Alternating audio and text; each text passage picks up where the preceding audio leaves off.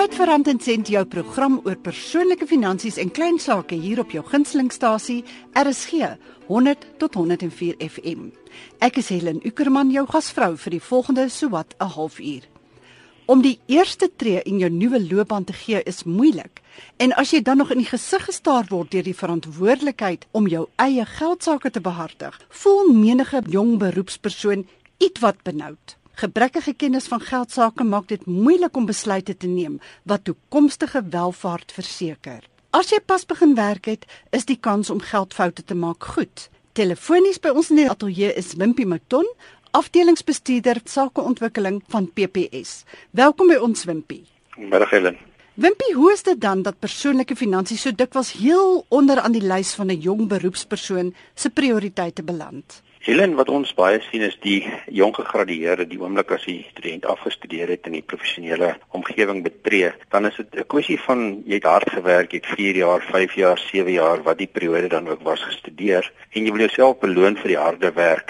En die realiteit is dat ons weet dat die pad van sukses dan eers begin nog 'n lang pad gaan wees voordat die die werklike sukses in terme van rand en sent in jou sak gaan hê. So ek dink die verwagting is om onmiddellik goeie geld dan te verdien wat nie altyd realiseer nie. En hoe belangrik is dit dan dat jong mense hulle self opvoed oor geld sake of iemand kry wat hulle kan help om 'n behoorlike finansiële plan vir hulle toekoms op te stel? Ek dink dit is krities belangrik om so gou as moontlik iemand te sien. Ook weer eens die realiteit is dat baie van die jong mense dink dit is nie so belangrik as hulle jonk is nie. So die raad wat ek kan gee, sien asseblief iemand betroubaar, iemand wat weet waarvan hulle praat, wat geakkrediteer is vir die produkte waaroor hulle met jou gaan praat en wat ook kennis het van die professie waarin jy is. Want dit is baie belangrik want die persoonlike omstandighede van elke persoon, sowel as die professie waarin hulle dien, verskil. Dit is ook 'n feit dat baie mense nie weet dat hulle nie weet nie. Hulle dink alles is in die haak, maar eintlik het hulle geweldige gebrekkige kennis oor persoonlike finansies. Ja, nee, dit is so en dit sluit aan by my vorige punt. Jy weet, 'n mens moet die tyd maak om iemand te sien wat werklik weet waarvan hy praat. Ek soos ek altyd vir professionele mense sê, as ek by 'n dokter kom is te kom wat sy kundigheid wil sien of 'n argitek gaan sien is omdat hy my huis of my gebou moet bou. So ek dink ek die professionele persoon moet aanvaar dat daar professionele mense daar buite is wat hulle kan help met hulle finansiële advies. Dink jy nie ook dat hulle voordat hulle nog so iemand gaan sien of selfs deurlopend deur 'n mens se hele lewe ook soveel moet lees en leer as wat jy kan oor die finansiële wêreld? Definitief, ek dink dis die ideaal. Ons almal weet um, behalwe vir die mense wat in die BCom rigtings en dis meer studeer, is dit maar 'n vervelige onderwerp.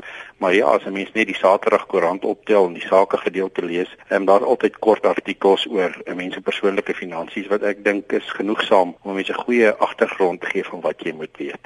Ja, wat 'n mens daarom bietjie laat dink daaroor, né? Nee? Ja. Jy luister na Rand en Sent met Helen Ukerman op RSG en ons gesels vandag met Wimpie Mouton, afdelingshoof sakeontwikkeling van PPS. Ons onderwerp: jong mense wat nou pas begin werk het en hulle geld sake. Jong mense, Wimpie, al is hulle gegradueer, het dikwels wanindrukke van hoe hulle dan nou hulle geld sake moet benader. Kan ons 'n paar daarvan bespreek? Regsgo. Kom ons begin met 'n ou bekende wat nou nie net vir jonges geld nie, maar sommer baie mense wat ek ken. En dit is ek verdien nie genoeg om te kan spaar nie. Wat sê jy daarvan? Yes, Helen, dit is so, maar weer eens, ek dink dit is belangrik dat ons na elkeen se eie omstandighede moet kyk studente of jong professionele lei daar buite se persoonlike omstandighede verskil dramaties. Ons sit met uh, bevoorregte studente wat dalk nie 'n studentelening of 'n probleem het met 'n voertuig wat hulle moet finansier nie. Aan die ander kant weet ons dat die meerderheid van studente wel studielenings het, uitstaande skuld op 'n voertuig, dalk die eerste keer 'n woonstel moet huur of aankoop. So ehm um, ja, uh, as 'n ou dan daardie uitgawes het, dan kan dit so wees dat 'n ou nie die geld dadelik het nie maar dat 'n mens moet 'n plan maak om te begin spaar is 'n realiteit en vir van die studente gaan of of jong professionele lei gaan dit moeiliker wees as vir ander. Afgesien van hoeveel of hoe min jy verdien. Hoe kan jy vasstel hoeveel jy in staat is om te spaar elke maand? Al is dit hoe min, hoe doen jy dit? Kyk, die maatstaf is gewoonlik om te sê van jou bruto inkomste moet ons probeer 15 tot 20% spaar. So elke jong professionele persoon sal na sy inkomste moet gaan kyk en sien hoe naby daaraan kom gegee sy of haar inkomste of uitgawes in lyn is daarmee en probeer om daarby uit te kom. Ek sê weet dit is die ideaal. 'n Mens moet so vroeg as moontlik begin spaar om daarby uit te kom en 'n mens sal maar ongelukkig moet sny aan die goed wat lekker is, jy weet die uit eet en die tipe van goed om seker te maak dat jy by die spaar uitkom. Ja, en dat jy daardie verskil leer ken tussen dit wat jy graag wil hê en dit wat jy regtig moet hê. Ja, 100%. Ek is jonk en ek het nie versekerings nodig nie. Ja, Helen, dis een wat ons baie by die jong professionele persoon kry en my antwoord standaard is maar altyd as ek met studente of jong beroepslui praat om te sê, hulle het sopas 4, 5 jaar of meer spandeer om hulle self op te lei en hulle belangrikste bate is basies hulle self en hulle kennis. Hulle is bereid om 'n versekerings uit te neem op 'n voertuig, maar hulle is nie bereid om hulle self te verseker nie. En as mense so daarna kyk, dan ek dink um, kom die boodskap wel deur dat jou eie kennis of jy as persoon self 'n belangrike bate is wat jy moet verseker. Op watter maniere dink jy moet 'n jong beroepsmens homself in die eerste plek verseker? Wat is die belangrikste versekering vir so iemand? Weereens gaan dit terug aan na mense persoonlike omstandighede toe. Ek sal altyd sê op so 'n jong stadium moet jy jouself verseker gaan iets met jou verkeerd dat die ondenkbare met jou gebeur en jy kan dalk nie meer praktiseer nie. Moet 'n mens voorsiening maak vir jou inkomste vorentoe, veral op 'n jong ouderdom waar jy dan dalk sit met studieskuld, ander uitgawes, moet 'n mens dalk lewensdekking uitneem om daai skuld te dek sou iets met jou gebeur. So dit gaan maar afhang van elke ou se persoonlike omstandighede, maar ek sou sê mense persoonlike of jou persoon as sulks om dit te verseker in jou inkomste, dink ek is die belangrikste aanvanklik. So ons praat nou van inkomstebeskerming om jou te beskerm en ook jou familie teen enige skuld wat jy dalk het. Want dit is 'n ander ding as jy binne ongeluk is en permanente skade opdoen en jy kan nie meer jou werk doen nie en jy dalk versorging nodig en jy het nie mediese of inkomste of die nodige versekerings dan kan jy dalk 'n las word vir jou naasbestaandes. Dit is so. Jy weet weer eens as mens enkel lopend is dan dink mens anders daaroor, maar selfs dan want mens weet nie wat gaan vorentoe met jou gebeur nie. En as jy 'n jong familie het, nog dan meer, jy weet 'n mens die dekking in plek moet kry om seker te maak dat jou lewensstandaard um, dan in 'n mate kan handhaaf.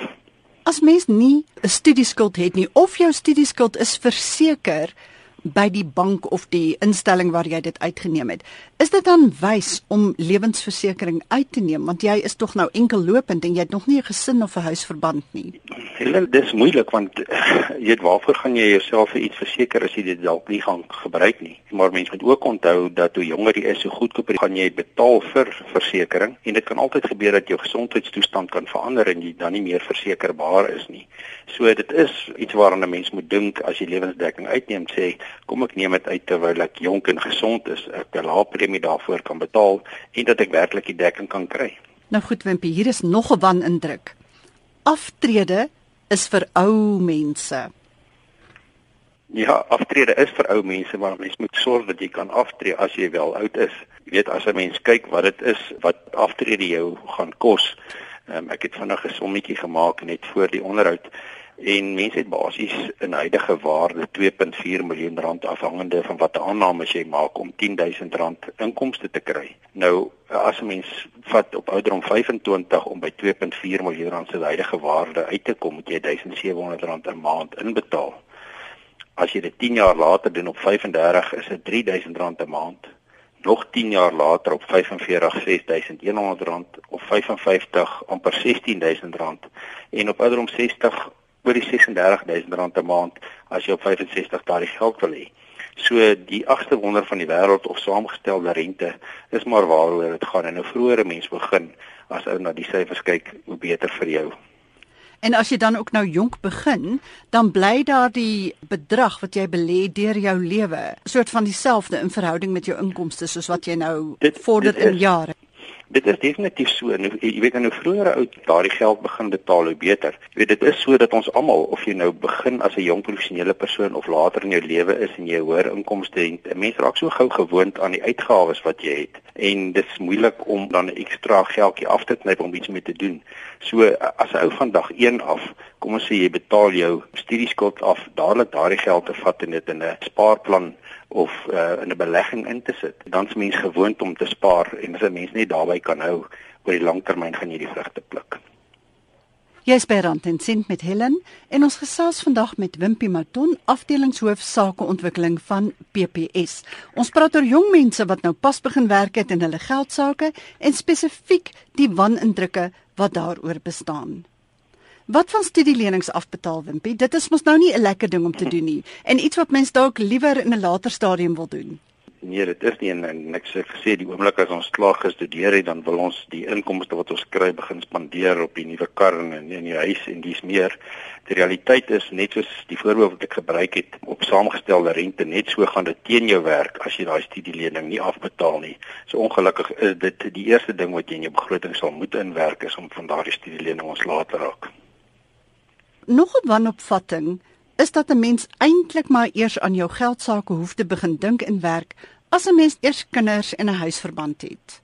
Die teenoorgestelde is ongelukkig waar ek as 'n mens enkel lopend is uh, met is is 'n geldsaak eintlik baie makliker om te beheer want jy kyk net na een mens. Hoe groter ou se familie word of jy kinders kry, hoe meer kompleks is dit. Die huis word groter, karre word meer, die mediese fonds word meer. So jou uitgawes word meer. Dis so wat ek probeer sê is as 'n ou enkellopend is kom in die gewoonte van spaar geld wegsit sodat jy as jou lewe verander en of jou familie groter word dat daardie um, gewoontes klaar by jou geskep is en dit vir jou makliker gaan wees die toekoms in. En ek dink mense het dan ook dalk meer geleentheid om foute te maak en reg te stel voordat jy ander mense dalk daardeur benadeel. Ja, definitief. As jy nou pas ingeskakel het, jy luister na Rand en Sent en ons gesels oor jong beroepsmense en hulle geld sake. Ons ateljeegas, Wimpie Maton, afdelingshoof sakeontwikkeling van PPS. Ons luister eers na die mening van 'n jong Johannesburgse skakelbeampte wat vir ons vertel hoe sy haar geld sake sien. Daarna praat ons verder met Wimpie oor skuld. My finansies moet ek wees vir my baie belangrik want ek wil graag 'n sekere leefstyl handhaaf. So ek werk nou omtrent al 11 jaar En in die tyd het ek gesorg dat ek professioneel met produksie is waar ek meer en meer geld verdien. Ehm um, en so 7 jaar gelede het ek 'n woonstel gekoop en wat ek binnekort sou wil doen is dat ek graag nou sou wil opgradeer na 'n groter plek en dan sal ek ook eendag wel gemaklik aftree. So ek het steeds daarna begin kyk en tussen het ek ook versekerings uitgeneem sal ek moontlik afgelê word by die werk. En kort is my finansies my baie belangrik en ek dink ek moet soveel spaar as ek kan en probeer om nie skuld te maak nie. Ek het onlangs al my skuld gesluit. Ek, ek dink dit is belangrik vir enige jong mens om 'n om 'n kontant buffer op te bou. Kom ons praat oor skuld wimpie. Dit is mos nou niks om 'n paar kredietkaartpaaiemente oor te slaan nie. Of hoe sê ek dan nou? Ja, Helen, dis amper soos met die wel, dit is presies dieselfde as met die studieskuld. As jy dit oorslaan, die skuld is gemaak en jy gaan dit betaal en so die rente gaan net eenvoudig meer word, so die bedrag wat jy moet terugbetaal gaan meer word. En nie net dit nie, as 'n mens um, 'n bedrag oorslaan, dan is jou kredietwaardigheid word aangetast. So eendag as jy 'n praktyk begin of 'n huis wil koop of 'n kar wil koop en jy wil geld leen, dan gaan die feit dat jy nie jou kaart betaal het nie definitief teen jou tel. Dit is so dat as 'n jong mens uh, begin, mens het nie geld vir die kar, die huis en die mooi goederes wat 'n ou dalk wil hê nie en dat 'n kredietkaart nodig is. My advies is net om te sê gaan kyk wat is jou besteedbare inkomste en maak seker dat die skuld wat jy maak, dat jy dit maandeliks kan diens. En dat jy nog 'n paar sent oor het dat jy definitief 'n paar sent oor het vir as iets verkeerd gaan. Jy weet daar's altyd onvoorsiene uitgawes um, wat hulle kop uitsteek wanneer jy op die minste verwag. Dis nou goed dat jy praat van onvoorsiene uitgawes, want daar is natuurlik daardie ou gunsteling onder finansiële raadgewers, die noodplan Moet 'n mens nou regtig 6 maande se salaris eenkant gereed hê vir as die onheil toeslaan? Mense moet definitief 'n noodplan hê. 6 maande is die ideaal en as 'n mens daarby kan uitkom wonderlik. Mense moet jouself maar net uh, in die situasie indink. Die ergste daarvan jy verloor jou werk, jy moet van jy moet jouself onderhou, jy moet jou uitgawes betaal, jou mediese fonds, jou kar, jou huis. Dan is 6 maande net dalk goed genoeg om jou deur te trek tot jy weer 'n ander betrekking kry. Maar op die kort termyn, jy weet daar's altyd 'n kar kort bande niemand spaar daarvoor nie. Die kar breek, jou huis het halskade, wat ook al die geval mag wees. Daar's altyd onvoorsiene uitgawes en 'n mens moet seker maak dat jy eh, 'n uh, ekstra geldjie in het want as jy op jou limiet lewe en met jou kredietkaarte en jou uitgawes, waar gaan daar ekstra geld vandaan kom? Dan is dit tande kners en wakker lê in die nagte. Ja nee, dit is so.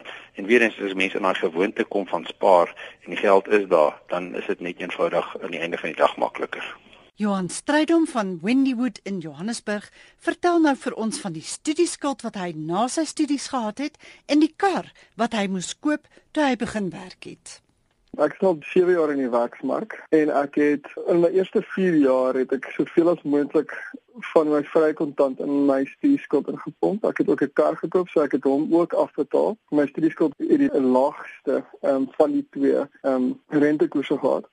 So ek het hom 'n bietjie later afbetaal en my kar eers afbetaal en toe het ek my studieskuld afbetaal. Toe ek albei afbetaal het in die eerste 4 jaar het ek die res van my geld ook oorgehou en ek is besig om te bespaar en te kyk waar ek dit meer effektief en watter in beleggings wat ek kan instoot. Die rede hoekom ek alles maar afbetaal het in die eerste jaar is net jy betaal fisies minder aan die bedrag wat jy geleen het. Want dit is belangrik jy uittrek om dit terug te betaal hoe meer rente loop dit hoe meer betaal jy op die einde van die dag daarvoor.